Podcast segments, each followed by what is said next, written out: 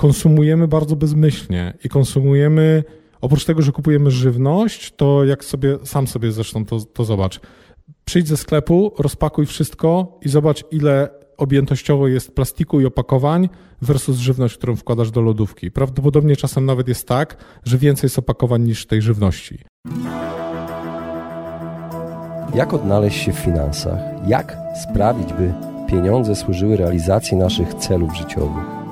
Na te oraz inne pytania odpowiadają goście podcastu Po ludzku o pieniądzach, którego partnerem jest Generali Investments TFISA i który mam zaszczyt prowadzić. Nazywam się Radosław Budnicki, na co dzień prowadzę podcast Lepiej Teraz i nie jestem internetowym guru zarabiania. Rozmawiam tylko po ludzku o pieniądzach z ekspertami, którzy zrozumiałym językiem tłumaczą zawiłości finansów i to, jak sprawić, by pieniądze nam służyły, a nie nami rządziły. Serdecznie zapraszam.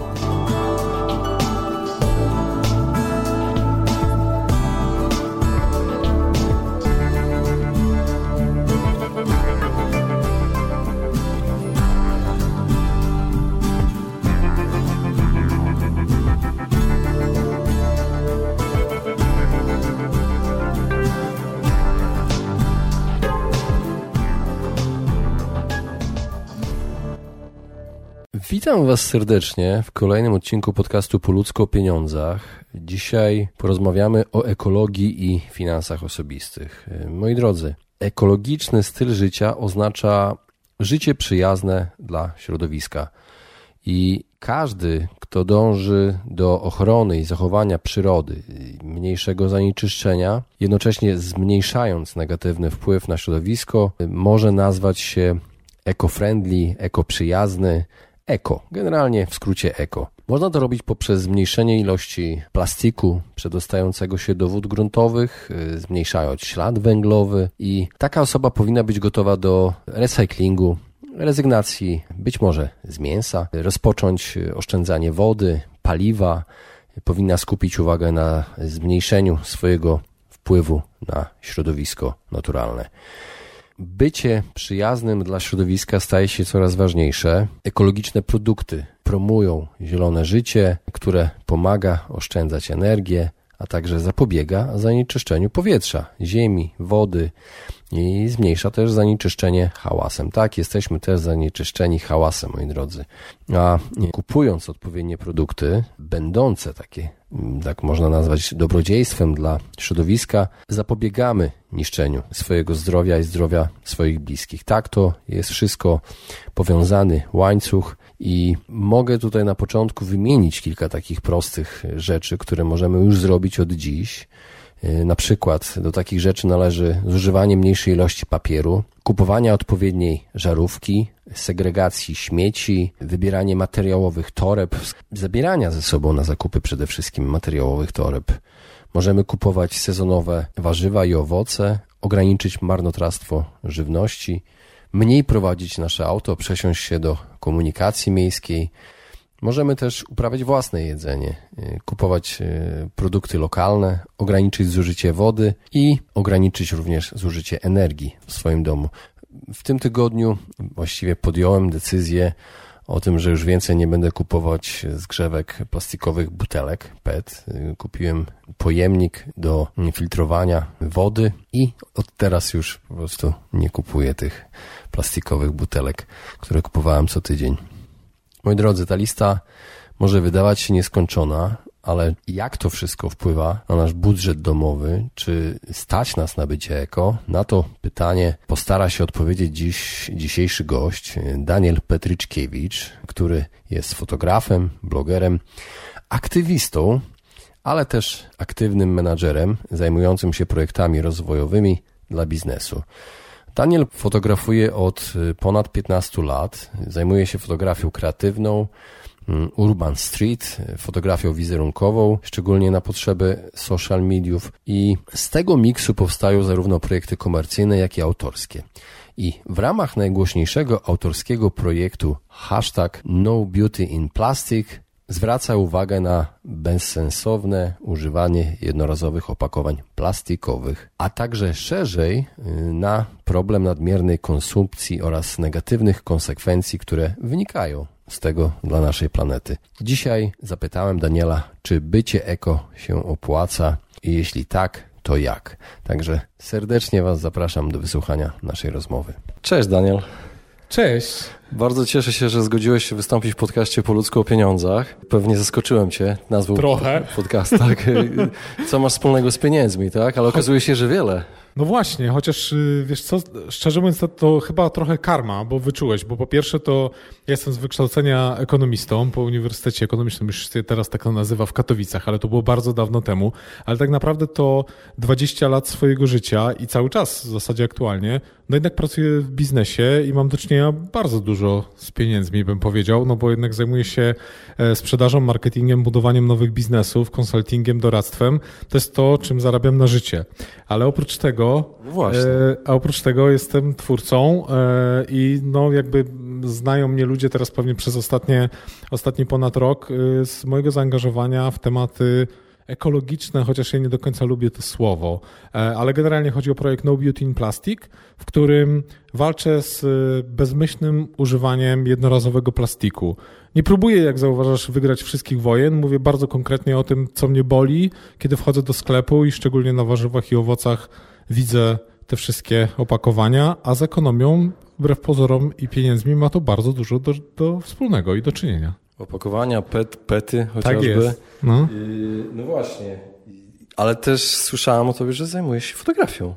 Tak jest, no to jakby No Beauty in Plastic jest projektem fotograficznym i fotografia jest moją pasją od wielu lat, e, natomiast to nie jest coś, z czego żyję, to nie jest mój, moje pierwsze źródło utrzymania, aczkolwiek robię to oczywiście też komercyjnie, e, więc jakby mogę powiedzieć, że teraz trochę jestem taki dwuetatowy, bo z jednej strony prowadzę swoją własną działalność gospodarczą i akurat jeżeli chodzi o biznes, to głównie zajmuję się e, pracą w LuxMedzie, to taki duży dostawca usług medycznych i tam rozwijam stomatologię. Ja się pasjonuję w ogóle rozwijaniem nowych biznesów i doradzaniem w tym, jak to robić, a ponieważ mam w tym 20 lat doświadczenia, e, no to wydaje się, że, że akurat w LuxMedzie tutaj bardzo to dobrze spożytkowują i nie ukrywam, że bardzo, bardzo fajna robota.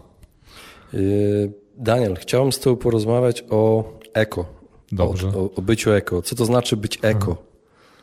Wiesz co? Ja trochę nie lubię tego słowa, bo ono, ono przypina pewnego rodzaju łatkę. A ja przez ponad rok czasu pracy przy tym projekcie No Beauty in Plastic, y, ja zaznaczę tego, że to jest mój prywatny projekt autorski. E, nie ma tam żadnego sponsoringu, nikt nie jest e, e, żadnym ukrytym dobroczyńcą. Jedyne pieniądze, jakie dostałem z zewnątrz, to było przed y, stworzeniem wystawy, która była w hali koszyki w listopadzie zeszłego roku. Dzięki pieniądzom od ludzi, crowdfundingowi, robiliśmy to na polakpotrafi.pl, e, zebraliśmy, zebrałem kwotę pieniędzy, dzięki której mogłem te obrazy wydrukować, pokazać, wypromować i zrobić wystawę. I teraz te obrazy są gotowe i e, jakby w postaci wystawy zaczęły swój objazd po Polsce. Na razie są jeszcze tutaj w Warszawie, e, ale wkrótce trafią do innych, do innych miast. No i wracając trochę do tego bycia eko, ja mam trochę z tym problem, bo, bo to, to zaczyna być taki, y, tak, takie trochę pejoratywne określenie jakiegoś frika, który y, chce się cofnąć do epoki kamienia łupanego i powiedzieć, teraz wyrzućcie wszystkie swoje telefony, komputery, samochody i będziemy teraz krzesać ogień w jaskini. A to nie jest... kamisza na przykład. No, no właśnie, no ale a to nie o tym jest. To jest, to jest o czymś innym. To jest o tym, że żyjemy w czasach dobrobytu, o pieniądzach mamy. E, niczego nam nie brakuje. Wydaje się, że zlikwidowaliśmy wie, większość plag y, trapiących ludzkość. Ja mówię oczywiście ogólnie i zaraz ktoś tutaj się czepi, że no, to nie jest tak, że nie ma głodu. Oczywiście, że jest, ale generalnie w, w dużym wymiarze światowym zlikwidowaliśmy większość plag, które ludzkość trapiły, tak jak wojny, e, zarazy, głód, e, brak, nie wiem, antybiotyków i tak dalej e, i umieranie ludzi z tego powodu. Natomiast mamy dużo więcej i wydaje mi się, że już powoli za dużo. ja trochę mówię o tym w tym projekcie, że słuchajcie, zatrzymajcie się i zwróćcie uwagę na to, że konsumujemy bardzo bezmyślnie i konsumujemy, oprócz tego, że kupujemy żywność, to jak sobie, sam sobie zresztą to, to zobacz, przyjdź ze sklepu, rozpakuj wszystko i zobacz, ile objętościowo jest plastiku i opakowań versus żywność, którą wkładasz do lodówki. Prawdopodobnie czasem nawet jest tak, że więcej jest opakowań niż tej żywności. Dlatego ja mówię, zacznijmy patrzeć trochę na to, bo rynek chiński i Azja już się zamknęła na sprzedawanie, na, na wywożenie tam śmieci. Za chwilkę obudzimy się naprawdę bardzo mocno z ręką w nocniku i ten nocnik będzie bardzo plastikowy i bardzo nie będziemy wiedzieli, co z tym zrobić. Już w tej chwili recyklerzy biją na alarm, e, że nie są w stanie przetwarzać tej ilości śmieci, która jest w tej chwili w Polsce, bo przestaliśmy wywozić do Chin, a wywoziliśmy bardzo dużo do Chin. E, I już w tej chwili e, jest, jest ogromny problem, bo nie ma w Polsce infrastruktury, która jest w stanie przetworzyć coś więcej niż tak naprawdę butelki PET. PET to jest jedyny plastik, a też go nie przetwarzamy tak bardzo dużo, bo przetwarzamy jakieś 30%, 35% według statystyk oficjalnych. E, całe, cały pozostały śmieć plastikowy, zaznaczę, bo już nie mówię o pozostałych frakcjach, ale cały pozostały śmieć plastikowy, czyli wszystkie zrywki, reklamówki, nawet te biodegradowalne, bo do tego też nie wiem, czy wszyscy wiedzą, ale to, do tego też trzeba specjalnych instalacji y, recyklingowych. Wszystko to trafia po prostu na hałdę śmieci albo jest spalane. Spalanie też nie jest obojętne dla środowiska, bo raz emituje CO2, dwutlenek węgla, a dwa, na filtrach po spalaniu zostaje, y, y, zostaje toksyczny osad, który tak naprawdę składuje się trochę tak jak te odpady nuklearne, z nadzieją na to, że za 10 albo 20 lat naukowcy znajdą sposób, żeby to zutylizować. Na razie nie znaleźli, na razie to jest po prostu składowane. Więc produkujemy za dużo, bo kupujemy za dużo, bo konsumujemy za dużo, co jest bardzo moim zdaniem ciekawym tłem i, e, i, i, i jakby tematem no, w podcaście, w dyskusji, gdzie dyskutujemy o pieniądzach i ostatecznie biznesie też trochę, więc, więc jak widzisz, to jest, jest bardzo dużo linii, które się przecinają. Jak do tego doszedłeś, że zacząłeś myśleć tak świadomie? E, wiesz co, to ja, ja trochę się śmieję, że, e, że my zawsze gdzieś w rodzinie mieliśmy zaszczepiony taki element e, takiej bliskości z naturą. Może dlatego, że moja babcia przyjechała ze wsi, zawsze za tą wsią gdzieś tam tęskniła. Ja oczywiście nie, nie, nie powiem i nie będę się tutaj chwalił, że, że, że na wsi mieszkałem, bo nie mieszkałem nigdy, ale może jakaś tęsknota jakaś głęboka we mnie jest. Natomiast w jakiś sposób zawsze z tą naturą nie wiem, to jest trochę podświadome, bardzo się czułem związany. E, I ponieważ fotografuję bardzo długo, to w jakimś momencie, być może każdy twórca tak ma, doszedłem do takiego etapu, kiedy sobie pomyślałem, kurczę, chciałbym zacząć fotografować coś, co będzie miało trochę większy sens, większe znaczenie, bo ja fotografuję lifestyle, fotografuję trochę mody, bardzo dużo fotografuję sportu, ponieważ jestem wkręcony w sporty wodne, to przez ostatnie trzy lata bardzo dużo, bardzo dużo wakeboardu, kitesurfingu, takich sportów deskowych fotografowałem. E, natomiast zacząłem dochodzić do jakiejś takiej ściany w temacie kurczę, jakie to ma tak naprawdę znaczenie i co to, i co to zmienia? Oprócz tego, że pokazuje fajne obraz, obrazki, ludzie mi mówią, kurczę, fajnym fotografem jesteś, ale masz fajny sprzęt, super rzeczy robisz, nie?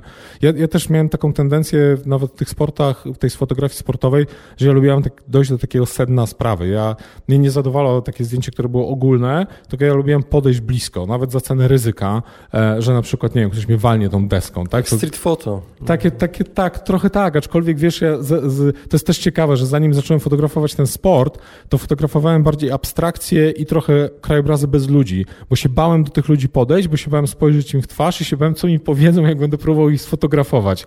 E, I, I tak naprawdę ten sport mnie otworzył na fotografowanie tych ludzi.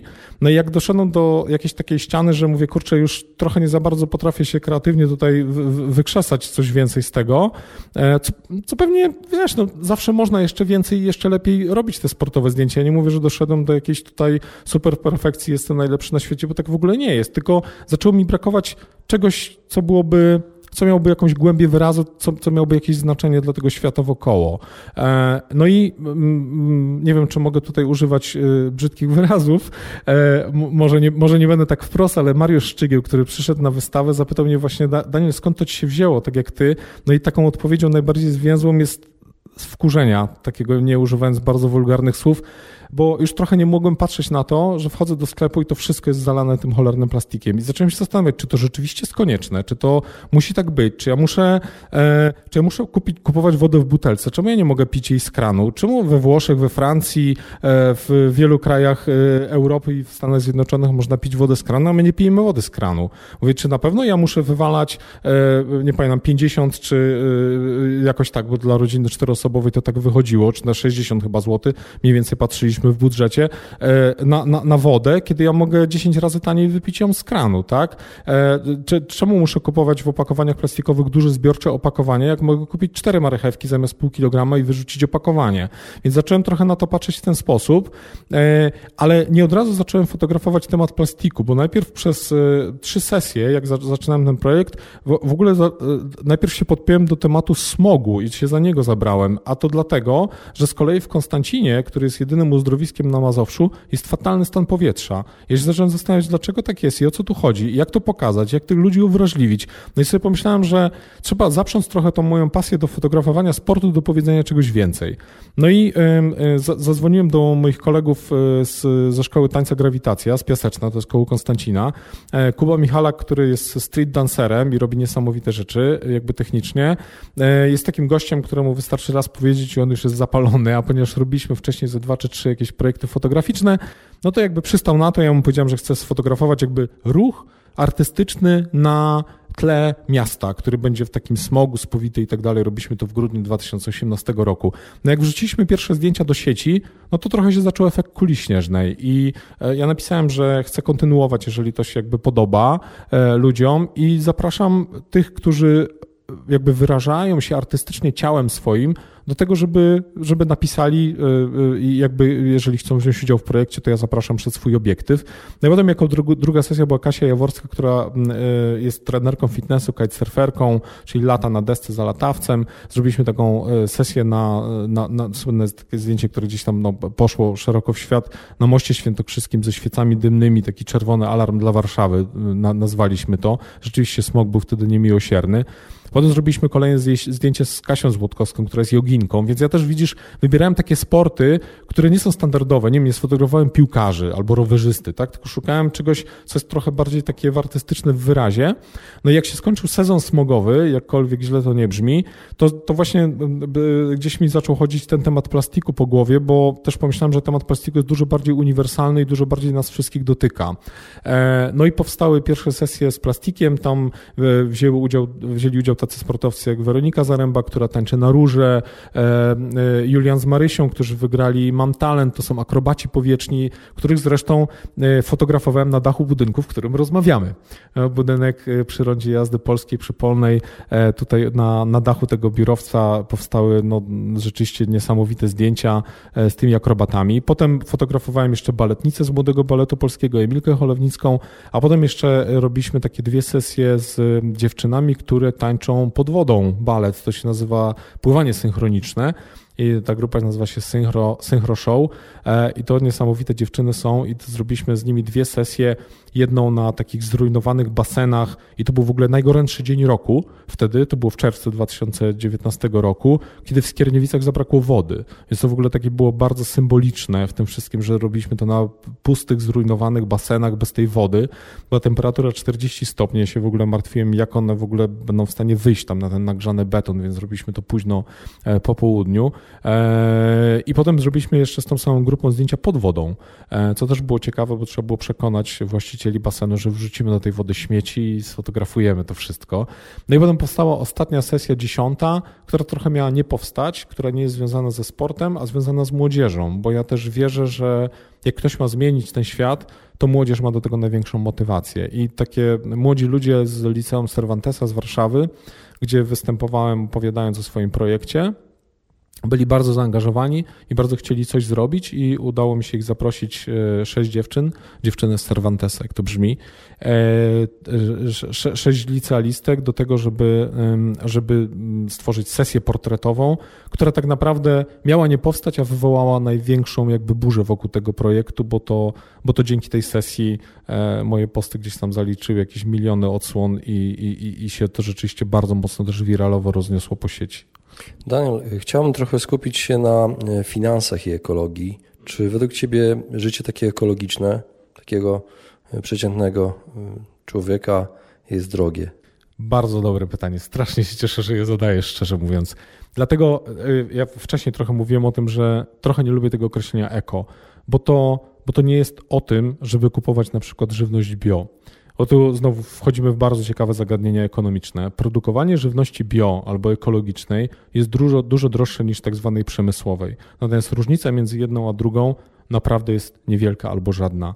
Wiem, być może mnie tutaj wykną, ale bardzo zachęcam, bo bardzo dużą pracę na ten temat, taką reporterską, popełnili reporterzy takiego magazynu Pismo e, i jest bardzo dużo, do, do, do, taki, taki cykl artykułów bardzo fajnych w ostatnim numerze na ten temat.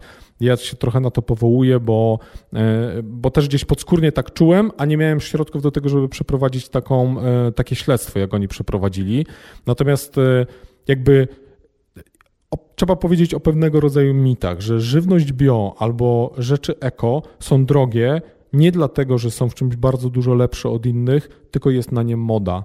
I teraz całe mnóstwo firm, przedsiębiorstw, sieci płynie na tej fali mody jak na surfingu. E, I my jako klienci dajemy się niesamowicie łatwo na to wszystko nabrać. Więc ja odpowiem na Twoje pytanie, żeby być eko i dbać o naszą planetę, w ogóle nie trzeba wydawać więcej pieniędzy niż wydawałeś, a nawet bym powiedział, oszczędzisz dużo więcej niż wcześniej wydawałeś, bo na przykład przestań kupować wodę w butelkach PET pij wodę z kranu. Woda z kranu w Polsce nadaje się do picia. Oszczędzisz prawdopodobnie 8, e, 90% wydatków na wodę, które do tej pory pitną wydawałeś, tak? E, druga kwestia, nie kupuj zbiorczych opakowań, kupuj tyle, ile potrzebujesz. Po co dawać, nabijać się i da, nabijać marżę producentom? Zwróć uwagę, zwróćcie uwagę na to, że kilogram marchewki luzem jest tańszy od kilograma marchewki, czy pół, pół kilograma, czyli w przeliczeniu na kilogramy tej samej marchewki zapakowanej w plastik, który wyrzucisz i który będzie normalnym śmieciem, bo jego się nie da przetworzyć, tak? Albo y, te, też trzeba uważać na, na tematy takie związane z eko, bio i, nie wiem, żywnością naturalną, czy jakkolwiek to nie jest nazywane, na przykład na targowiskach. To też zalecam dużą ostrożność, bo złapano całe mnóstwo na kontrolach y, y, tak zwanych babć z targowiska, które teoretycznie sprzedawały jakieś ekoprodukty ze swojej działki, kupione na Broniszach albo w pobliskiej Biedronce, albo Lidlu. Więc ja, ja, dlatego ja mówię, że panuje moda, nie dajmy się na tą modę naciągnąć, raczej apeluję o normalność i o uważność w kupowaniu, a nie w skupianiu się na tym, żeby kupować bio i eko. Więc ja bym powiedział, jeżeli chcesz być eko, już się trzymając tego, i dbać o swoją planetę, to kupuj uważnie i kupuj mniej i kupuj tyle, co potrzebujesz, a nie kupuj specjalne, dedykowane rzeczy, bo to jest tylko moda. I ja nie wierzę i będę to powtarzał za autorami e, tego artykułu w magazynie Pismo, Pismo w którym, który, na który się też powołuję, że żywność bio na przykład nie uratuje tej planety, bo żywność bio jest dużo mniej wydajna i żywność bio kosztuje dużo więcej, jest dużo bardziej emisyjna e, versus żywność przemysłowa, tak zwana, ale przemysłowa nie oznacza wcale gorsza, bo nikt nie udowodnił w żadnych badaniach, że żywność ekologiczna ma więcej na przykład składników odżywczych, czy jest w jakiś sposób zdrowsza. To są mity. E, I to jest też ciekawe, warto o tym naprawdę, warto o tym poczytać, warto, warto to zobaczyć. Tak samo opakowania, e, folie typu biodegradowalne, albo nie wiem, bidony zrobione z recyklingu, albo z mączki kukurydzianej. To jest wszystko jedna wielka ekościema, bo to, czy polimer pozyskamy z ropy naftowej, czy ze skrobi kukurydzianej, ok, jest różnica, bo tą ropę naftową trzeba wydobyć, to jest emisyjne i tak dalej, ale jak popatrzymy na sam proces rozkładu tych dwóch plastików, jest dokładnie taki sam też ta, ta z mączki kukurydzianej będzie się tak samo długo rozkładać, jak ta z polimeru syntetycznego z ropy naftowej. I to są rzeczy... będzie miało wpływ na nasze zdrowie i zdrowie y, środowiska. Znaczy, no dokładnie. Bo niedawno widziałem dokument, gdzie pobierano próbkę z lodowca niedaleko mm. Grenlandii, z wody, z oceanu. Okazało się, że tam ogromna ilość plastiku jest. No właśnie. Wydawałoby się krystalicznie czysta Prawda? woda. My praktycznie pijemy to, co wyrzucamy. No więc właśnie, więc to, to, to powinien być taki największy warning, największe ostrzeżenie dla nas wszystkich, że powoli ten plastik rzeczywiście tak. Może inaczej jeszcze bym to powiedział, że jak sobie uświadomisz fakt, że plastik masowo do celów przemysłowo-spożywczych jest produkowany mniej więcej od po wojny, czyli 80 lat, to za naszego życia Nie rozłożyła się jeszcze żadna plastikowa butelka, ani żaden plastik wyrzucony do śmieci. Żaden, bo się rozkłada najkrócej, mówią 100-150 lat, a prawdopodobnie około 300-500. Więc to, to myślę, a, a z, tego, z tej całości wyrzuconej do tej pory przetworzyliśmy jakieś 5-10%. Daniel, z doświadczenia wiem, że ciężko jest ludzi przekonać, kiedy ich pouczamy, kiedy robimy Tak. taki preaching, bawimy się w preacherów. I wiem, że argumenty, takie konkretne argumenty czasami przemawiają bardziej, nawet te egoistyczne. Sam przeszedłem na weganizm ze względów zdrowotnych, nie dlatego, że szkoda by mi było zwierząt. Kłamałbym, gdyby było inaczej.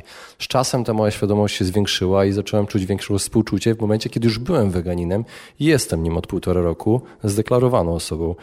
I wydaje mi się, że y, warto szukać argumentów za tym, żeby przekonać ludzi, że są finansowe właśnie korzyści z tego, że przechodzimy na bardziej e, ekologiczne e, podejście e, do życia. Chociażby właśnie decydowanie się na branie swojej jednej torby na zakupy. Dokładnie. Mówmy o takich konkretnych rzeczach. Co Tak. możemy zrobić, co taki Kowalski może zrobić już dziś, dziś. Mhm. Czy mamy zrezygnować z worków foliowych na, na, na śmieci? Jakbyś parę tipów Jasne. takich dał, jak to Oczywiście. Ja, ja trochę mówię o, y, o pięciu przykazaniach y, nowych. Pierwsze przykazanie, y, kup jedną swoją torbę i noś ją. Ja mam tych toreb chyba ze trzy, noszę je w różnych miejscach, mam dwóch miejscach w samochodzie, jedną w kieszeni, po to, żeby po prostu nie brać reklamówek plastikowych. Dlaczego nie brać reklamówek plastikowych? Bo wcześniej czy później wszyscy poniesiemy koszty konie- konieczności przetworzenia tego plastiku. Tak? Jeżeli on nie, nie trafi do, do Chin albo nie trafi do oceanów, nie zostanie wytworzony, to będziemy musieli w Polsce, szacuje się, że żeby e, przez następne 30 lat przetwarzać te ilości śmieci, które zużywamy, trzeba by było poświęcić jedno województwo na składowanie odpadów. Więc pytanie, czy mamy na to pieniądze? Myślę, że nie mamy i chyba wolelibyśmy, żeby nasze podatki nie szły na składowanie śmieci, zabezpieczanie, e, a, a szły, nie wiem, na przykład na onkologię albo na, e, na, na, na zdrowie, czy, na, czy nawet na kulturę, tak? Więc to jest ba, bardzo konkretna rzecz. Jeżeli nie musisz brać opakowania plastikowego, to go po prostu nie bierz. I tyle. Drugie, drugie przykazanie e, jest takie, pij wodę z kranu. Wodę z kranu w Polsce można pić legalnie, a nawet, y, a nawet jest, y, czytałem y, szereg prac, że mineralizacja jest nawet lepsza wody w Warszawie niż wody butelkowanej typu jakiś żywiec czy coś tam. E, Więc to, to jest druga rzecz. Trzecia rzecz, nie kupuj w zbiorczych opakowaniach. E, To wszystko jest zawsze na tacce, tacka się rozkłada jakieś 500 lat, zasypią na śmieci. To znaczy zbiorcze opakowania. Zbiorcze, Czyli na przykład na tacce opakowane warzywa, nie wiem, 250 A gram. włoszczyzna, 500, tak, powiedzmy, włoszczyzna, wybrana, tak. albo nie wiem, e, pomidorki na przykład zapakowane. Tym bardziej, że bardzo często e, kupujesz to, czy kupujemy, tak naprawdę wyrzucamy też część tego jedzenia, bo kupujemy za dużo, bo to jest za dużo na przykład, żeby dla, dla jednej osoby, jak nie wiem, jesteś, nie wiem, singlem, albo masz, nie wiem, tylko we dwójkę jesteście, to prawdopodobnie, nie wiem, tego opakowania marchewki, czy pomidorów półkilogramowego, czy jabłek, po prostu nie zjesz i one będą leżeć, leżeć, aż się zepsuje. Więc warto kupić tyle, ile potrzebujesz. Czyli krótko mówiąc, nie wiem, lepiej dwie marchewki, czy trzy pomidory, czy cztery, niż zbiorcze opakowanie, które, przeliczcie sobie, wychodzi zawsze drożej niż luz. Zawsze drożej niż, yy, niż te luźne. No właśnie, ale jak luzem w takim razie brać, bo najczęściej... No kiedy- właśnie, to ja powiem. Ja, znaczy ja, ja podchodzę do tego prosto i dzięki Bogu na razie jeszcze nikt mnie jakoś nie opieprzył, a jak mnie opieprzy będę dyskutował, ale ja po prostu biorę do koszyka najnormalniej w świecie dwa pomidory, e, cztery marchewki, e, nie wiem, pietruszkę, selera, e, pora. Po prostu biorę to wszystko luzem do koszyka. I kładziesz no na i dokładam wagę. na, na wagę po prostu, tak? I powiem Ci, że jeszcze do tej pory, ja czytałem w internecie różne komentarze, ale ja do tej pory się tym, z tym nie spotkałem, raczej się spotykam z sympatią. E, Mam swoją torbę, czasem biorę na przykład dwie albo trzy i jak są rzeczywiście jakieś takie, mam dużo warzywnych y, zakupów, a też y, może nie jestem w pełni we- wegetarianinem, córkę mamy wegetariankę, ale też tego mięsa zużywamy więcej, to dużo warzyw kupujemy, no to po prostu biorę dwie, trzy torby i wkładam do swoich toreb. Wiesz, no ileż ta moja torba waży? Nawet jak mi tego nie starują, no to bez przesady, to są jakieś grosze, tak? A przeraża mnie bardziej to, jak wiesz, widzę jedna cytryna, zrywka, jedna bułka, zrywka, e, jeden ogórek, zrywka. No rozumiesz, szaleństwo, jeszcze ten ogórek jest zafoliowany, tak? Więc, e, więc to jest szaleństwo. To Szaleństwo ja, plastiku. Tak, ja, ja nakłaniam do tego, żeby tego nie robić. I, i je, je, je- jeszcze powiem o dwóch, e, o dwóch przykazaniach, o których mówię. E, Trzecie, czwarte to przykazanie to jest takie, że zróbcie coś praktycznego, co jakby popchnie tematy do przodu. Ja na przykład jestem teraz, gdzieś tam staram się przeradzać ten projekt No Beauty in Plastic w konkretne działania i na przykład w tej chwili funkcjonuje w sieci petycja do sieci Biedronka o ograniczenie plastiku. Wejdźcie, podpiszcie tą petycję. Możecie też podpisać inne petycje. Chodzi petycja do Lidla o ograniczenie zrywek. Chodzi petycja Polskiego Stowarzyszenia Zero Waste o wprowadzenie systemu kaucyjnego na butelki. Naprawdę można konkretne rzeczy zrobić, podpisać i wesprzeć swoim głosem te działania. I ostatnia, ostatnie przykazanie, o którym mówię, to jest takie patrzcie, co klikacie w internecie, bo to jest kolejny trochę plastikowy śmietnik albo śmietnik konsumpcji, ja to nazywam trochę. To jest o tym, że mało sobie zdajemy sprawę, że jak klikamy dwa razy na Instagramie i serduszko robimy albo lajka robimy na Facebooku, to bardzo często, nawet w 90% za każdym tym lajkiem stoją dolary.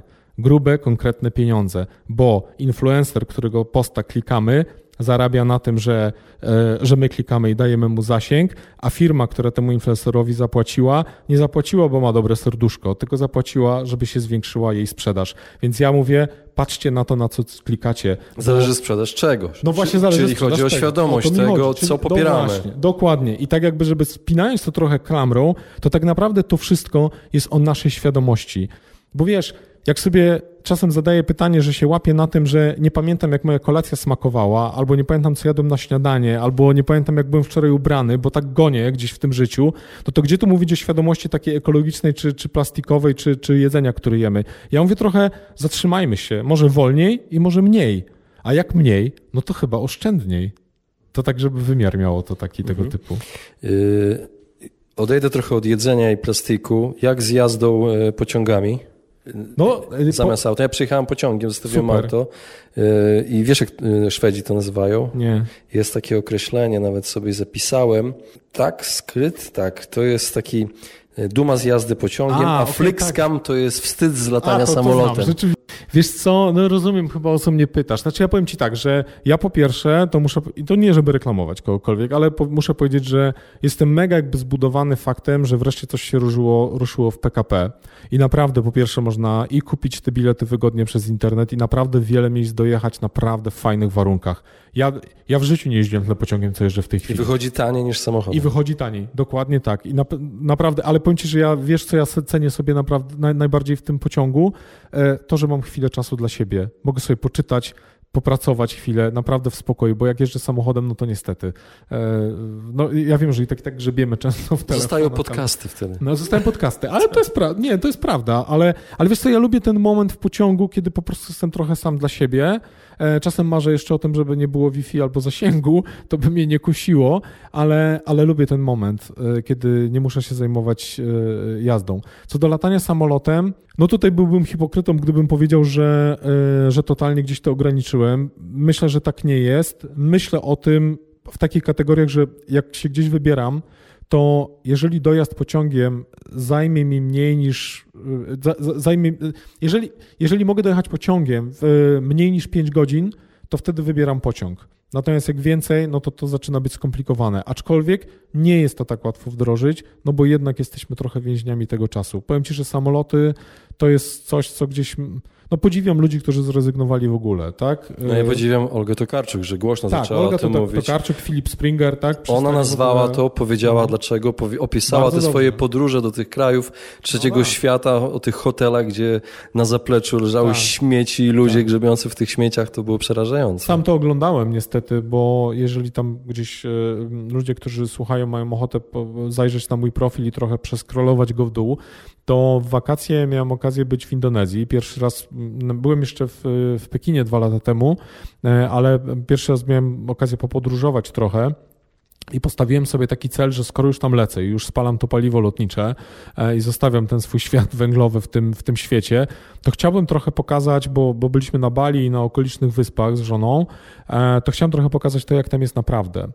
I taki cel sobie postawiłem, bo jak wbiłem sobie Bali w wyszukiwarkę albo wpisałem na Instagramie, to problem, jaki miałem, to tak patrzyłem na to i zacząłem się zastanawiać, to po co ci ludzie tam jeżdżą? Po to, żeby się pofotografować w hotelach fajnych? Mówię, trochę tego nie, trochę tego nie, nie rozumiałem tego. No i, i wiesz, i zrozumiałem, jak tam przyjechałem, bo jest dokładnie tak, jak e, wspominasz tutaj Olga Tokarczuk, e, to jest dokładnie tak. Ten cały syf, który jest za płotem hotelu, strasznie nam nie pasuje do wizerunku, który chcemy pokazać, jak jedziemy, tak? No bo co powiedzą znajomi, aleś do syfu dziadostwa pojechał. No nie, pokazujemy tylko te piękne miejsca. No tak, I to jest trochę choroba instagramoza i, i, i, taka, wiesz, influencerka. E, no ja, ja, ja, ja, rzeczywiście, jak tam sobie poczytacie te wpisy, to ja też dosyć krytycznie o tym piszę właśnie, że, że nie rozumiem tego, e, że, że, że ludzie tak strasznie potrafią wyprzeć to, co widzą za bramą hotelu. E, I tak strasznie potrafią wyprzeć to, co widzą na przykład na plaży, tak? I nie wiem, potrafią posprzątać wokół siebie, żeby sobie zrobić fajne selfie, a dookoła, słuchaj, leży taki syf, że to jest historia. I ja ci powiem jeszcze jedno, że często mi ludzie gdzieś tam mówią, nie, ci Azjaci to są śmieciarze, to w ogóle jest syf, jedź tam, zobacz. Wiesz co, ja powiem ci, że na Bali największy syf był tam, gdzie było najwięcej turystów. Surprise? Nie wiem.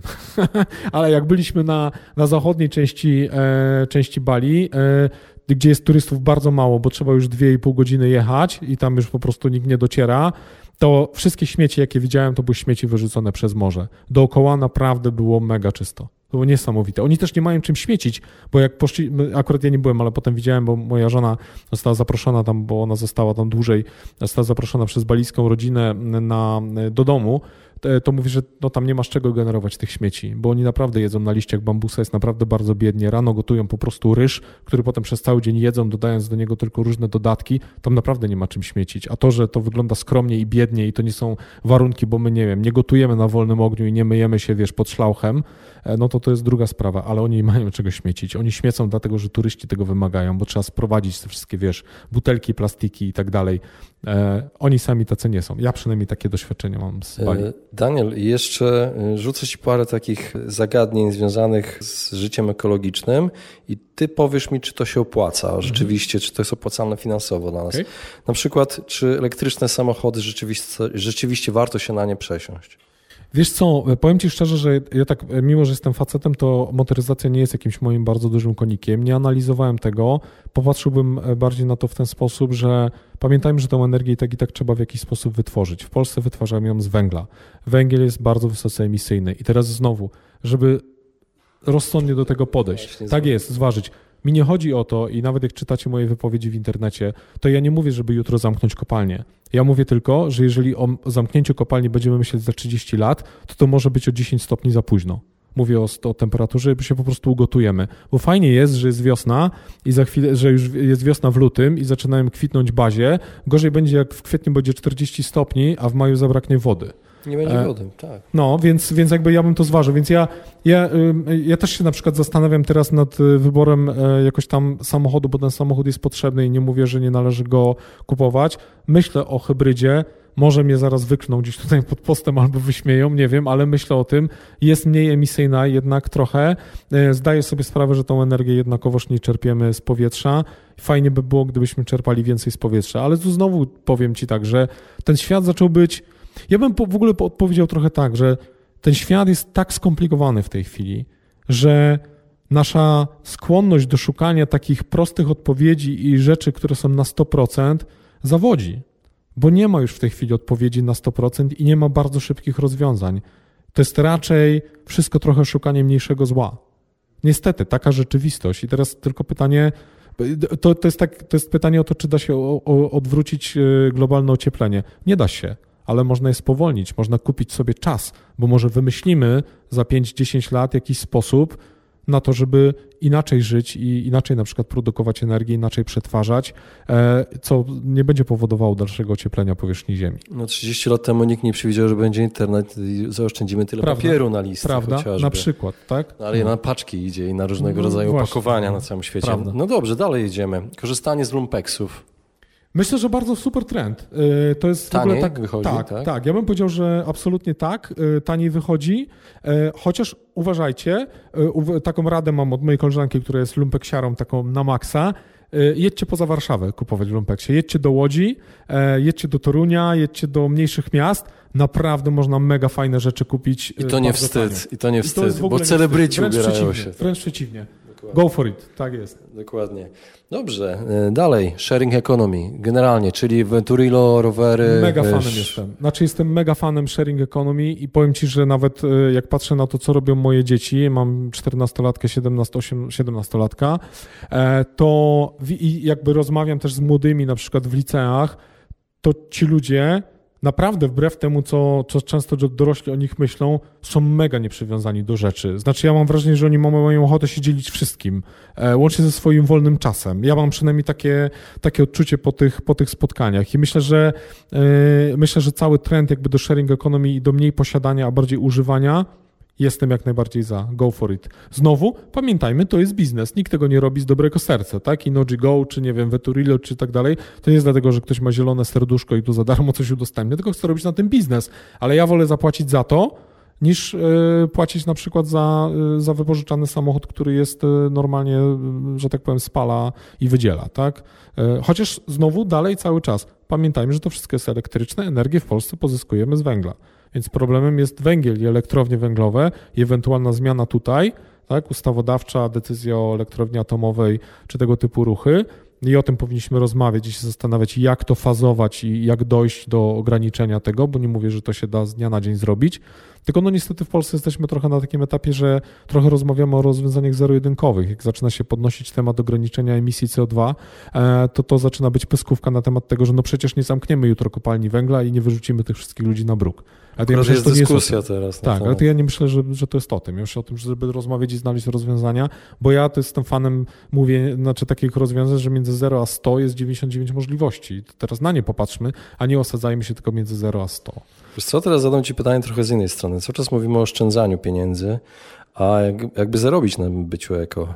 I słyszałeś o czymś tak, przepraszam, że Ci wejdę, Y, robiłem wcześniej wywiad z jedną z osób y, z General Investment Steffi, z jednym z ekspertów i on powiedział mi, że y, są fundusze, które inwestują właśnie w takie spółki eko. Tak, tak. Znaczy ja myślę, że no znowu to żebyście też mnie nie odczytali w taki sposób, że, y, że namawiam do jakiejś ekościemy, bo to też jest mega duży biznes w tej chwili, tak? Bo y, cały koncept bio i sprzedaż ekologicznej żywności i podpinanie się pod trend eko i właśnie greenwashing, czyli ekościema, czyli próba zarabiania na tej modzie właśnie jest mega dużym problemem według mnie teraz i naprawdę apeluję, popatrzcie na to 10 razy i nie dajcie się naciągać, bo po co płacić za coś trzy razy tyle, tylko dlatego, że tam pisze bio albo eko.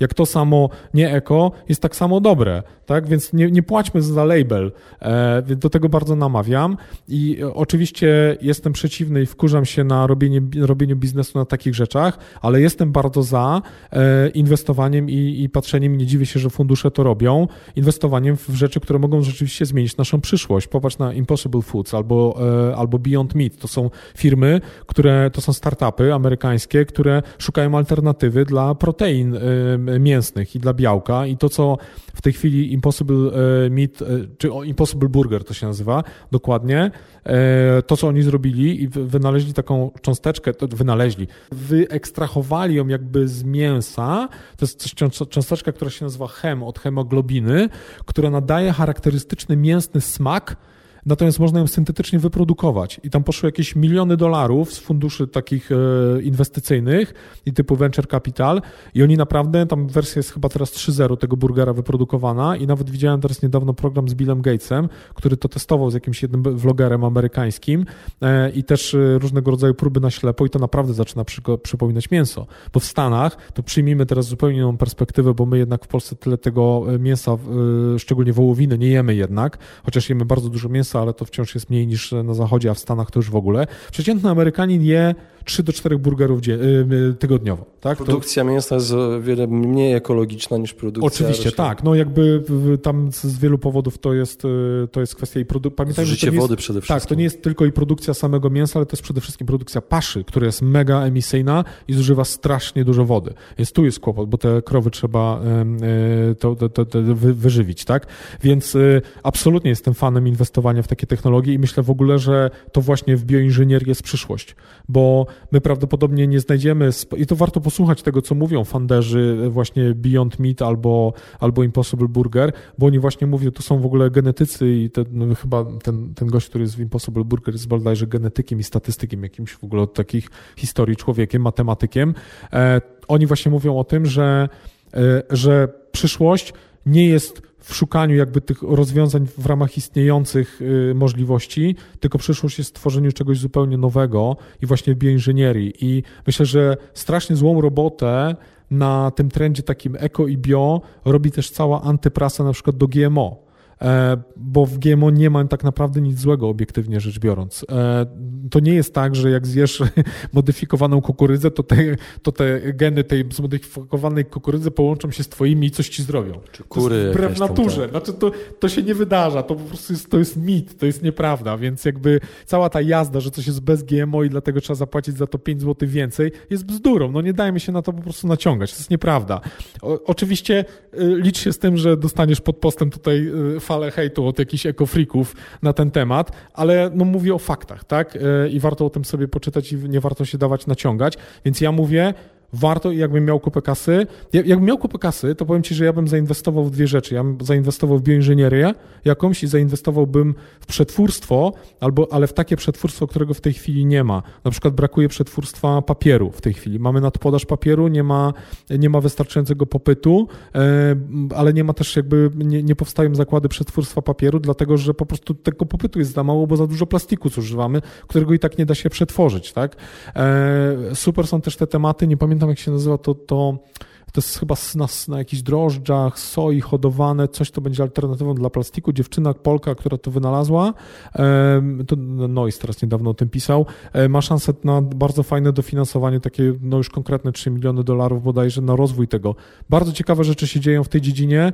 Myślę, że z tego, co, co, co, co też słuchałem e, na temat tego, co się dzieje w Stanach, to jest bardzo duży zwrot i bardzo wiele spółek czy funduszy venture capital buduje portfele bardzo mocno w oparciu o tego typu Y, startupy i Czyli jest nadzieja w biznesie też. Absolutnie, że tak. W tej potrzebie wzbogacania się to też jest. No, no ja, ja, myślę, że wiesz, ja myślę, że ty, tyle pieniędzy, ile w tej chwili na rynku jest, to pewnie ty więcej y, wiesz niż ja, bo, bo ja, ja to pewnie pobieżnie tą wiedzę, ale myślę, że tych pieniędzy na rynku jest tych i bardzo dużo, brakuje no, projekt jest dużo, pieniędzy więcej prawda? niż jest pomysłów. więcej niż pomysłów, nie? Tak, więc właśnie, tak. więc zachęcam, e, ja, ja mam syna, który jest jakby w chemii y, się para i, i, i jakby w tą stronę idzie, cały czas go niezmiennie zachęcam, mówię człowieku, no rozwiąż któryś z globalnych problemów, tak? E...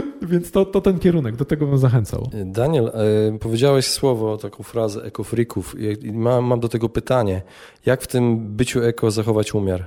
No właśnie, e, zachować umiar, czyli, czyli to nie jest, słuchajcie, o tym, żeby wojować ze wszystkimi na wszystkich frontach, tylko no ja znajduję, wiesz, ja znajduję największe ukojenie i taki takie przewodnictwo trochę w tym słowie, które uważam, że powinno być słowem roku 2020 w słowie mniej. Mniej odnosi się dla mnie do wszystkiego, też byciu mniej takim zacietrzewionym i byciu takim skrajnym, bo to, bo to nie jest o tym. Ja trochę bardziej, wiesz, idę do sklepu, kupuję, to, to zastanawiam się, na pewno muszę kupić tyle, a może mogę kupić mniej, a co będę robił, a czy to mi nie będzie leżeć, a czy na pewno muszę kupić taką ilość, a czy nie da się kupić tego, nie wiem, gdzieś indziej, albo jeżeli muszę kupić w plastiku, to, to czy nie warto pojechać gdzieś indziej i znowu sobie też z, zaczynam się zastanawiać, nie? czy to też nie będzie jakby gorsze, że pojadę gdzieś nie wiadomo gdzie e, szukać tego produktu, a może z niego zrezygnować. Ja sobie zadaję takie, takie pytania trochę sita, e, po to, żeby, żeby też trochę samego siebie w tym pędzie zatrzymać. Nie? Niedawno słuchałem takiego ciekawego podcastu, by the way, zresztą właśnie jadąc samochodem, niestety, ale o tym, jak, jak, schud- jak przestać jeść słodycze. I tam była mega wskazówka, która mnie, mi jakoś trafiła mocno do serca, że, że nie da się tego zrobić tak naraz i odstawiając to tak, wiesz, tak, że będziesz miał głód tylko na przykład, jeżeli tam była taka rada, niestety nie potrafię podać autorki, ale, e, ale mam nadzieję, że mi wybaczy, ale tam była taka rada, że jak już cię najdzie taka ochota na zjedzenie tego batonika, to weź tego batonika, rozpakuj go powoli, połóż na talerzu, pokrój go na, na, na 12 części, być może zjesz jedną. Czyli chwila, jakaś chwila no na refleksję. No właśnie, a Chyba, może ci się odechce. Tak, to jest, to jest świetna konkluzja tej naszej rozmowy. Bardzo dziękuję. Bardzo dziękuję, miło mi bardzo.